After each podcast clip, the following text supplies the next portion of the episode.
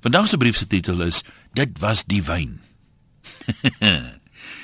Ondanks dit ek en vriend Hardes laat aand op 'n geselligheid en gesels. Tussendeur bekyk ons die manewales van die aanwesiges. Dinge het besonder gesellig verloop en heelwat van die bittereinders het ooglopend baie meer persoonlikheid as toe dit daar aangekom het. Ek vermoed die gratis drankies het dalk iets daarmee te doen en ons begin daaroor gesels. Niemand is ooglopend aangeklam nie, maar kan nie help om te wonder wie gaan môre spyt wees oor iets wat hy of sy gesê of gedoen het nie. Dan gaan die arme wyn natuurlik weer die skuld kry, sê Hardes. En hy sê dit soos 'n kampvegter vir die regte van minderbevoorregtes. Nou, waar hoekom nie vra ek? Dis net 'n flou verskoning, daai antwoord hy. Dit word mos altyd gebruik deur mense wat gedoen het wat hulle wou gedoen het, maar agterna nie meer die moed het om dit te erken nie. Dis 'n bietjie soos groepsdruk. Die binnekant wil mense aanvaar word deur ander en dan is hulle bloot te bang om nee te sê en deur die groep verwerp te word. Maar daar is daar 'n perke waag ek. As die groep wil gaan draf met hulle maar sonder my gaan, ek gaan hulle nie mis nie.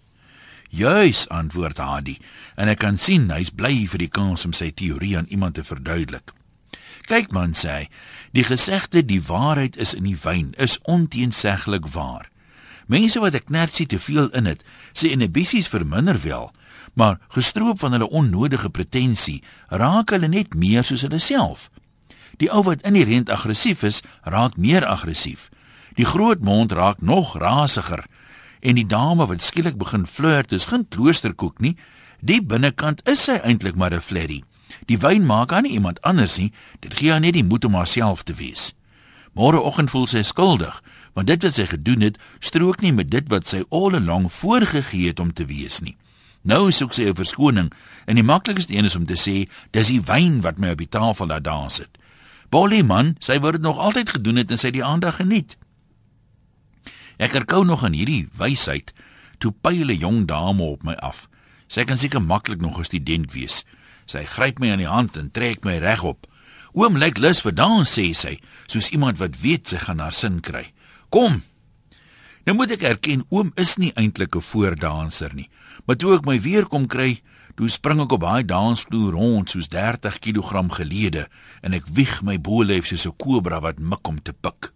En ek geniet dit. Heelwat later toe ek uit asem weer by Hardes gaan sit, sê hy droogweg: "Verstaan jy nou wat ek bedoel? Jy kon nog nooit nee sê vir 'n mooi vrou nie, al is jy nugter."